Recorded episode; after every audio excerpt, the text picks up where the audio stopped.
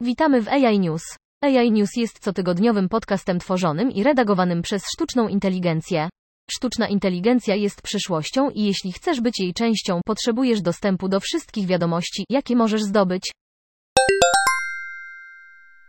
Microsoft zwolnił zespół zajmujący się odpowiedzialnym rozwojem i wdrażaniem sztucznej inteligencji.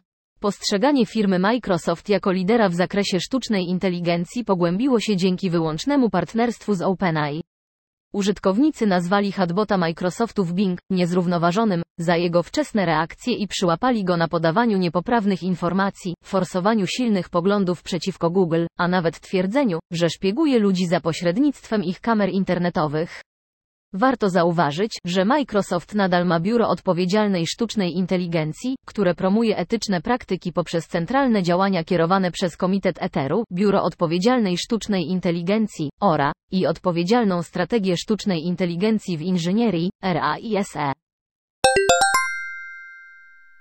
Główne organizacje technologiczne ścigają się, by dostarczać generatywne narzędzia sztucznej inteligencji. W wywiadzie dla Nikkei Asia, CTO Meta, Andrew Bosworth powiedział, że firma spodziewa się dostarczać narzędzia do tworzenia reklam z AI, które pomogą firmie tworzyć różne obrazy dla różnych odbiorców.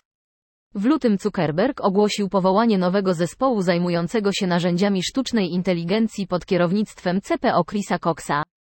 Omnki, który zaprezentował się na TechCrunch Disrupt w zeszłym roku, używał DALLE2 i GPT-3 OpenAI do tworzenia kampanii.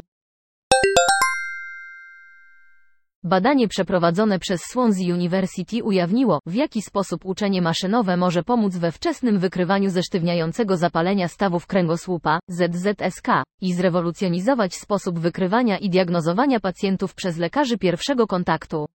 Uczenie maszynowe, rodzaj sztucznej inteligencji, to metoda analizy danych, która automatyzuje budowanie modeli w celu poprawy wydajności i dokładności. Dr Jonathan Kennedy, Data Lab Manager w NCPHWR i kierownik badania, powiedział, nasze badanie wskazuje na ogromny potencjał uczenia maszynowego, który może pomóc w identyfikacji osób z za i lepszym zrozumieniu ich podróży diagnostycznych przez system opieki zdrowotnej. Aby to opracować, potrzebujemy bardziej szczegółowych danych, aby poprawić przewidywanie i użyteczność kliniczną. Zdaniem ekspertów z Mayo Clinic sztuczna inteligencja, AI, może zrewolucjonizować dziedzinę transplantacji narządów. W niedawnym artykule opublikowanym w Mayo Clinic News Network zespół nakreślił pięć sposobów, w jakie sztuczna inteligencja może zmienić proces przeszczepiania narządów. Pierwszym sposobem jest poprawa dopasowania narządów. Sztuczna inteligencja może pomóc nam analizować duże ilości danych w celu identyfikacji wzorców i przewidywania, którzy pacjenci są narażeni na ryzyko odrzucenia, powiedział dr Prieto. Cudzysłów. Generatywna sztuczna inteligencja, AI, robi furorę w branży medycznej, obniżając koszty i opracowując nowe leki przeciwnowotworowe. Generatywna sztuczna inteligencja może generować nowe dane, analizując wzorce w istniejących danych.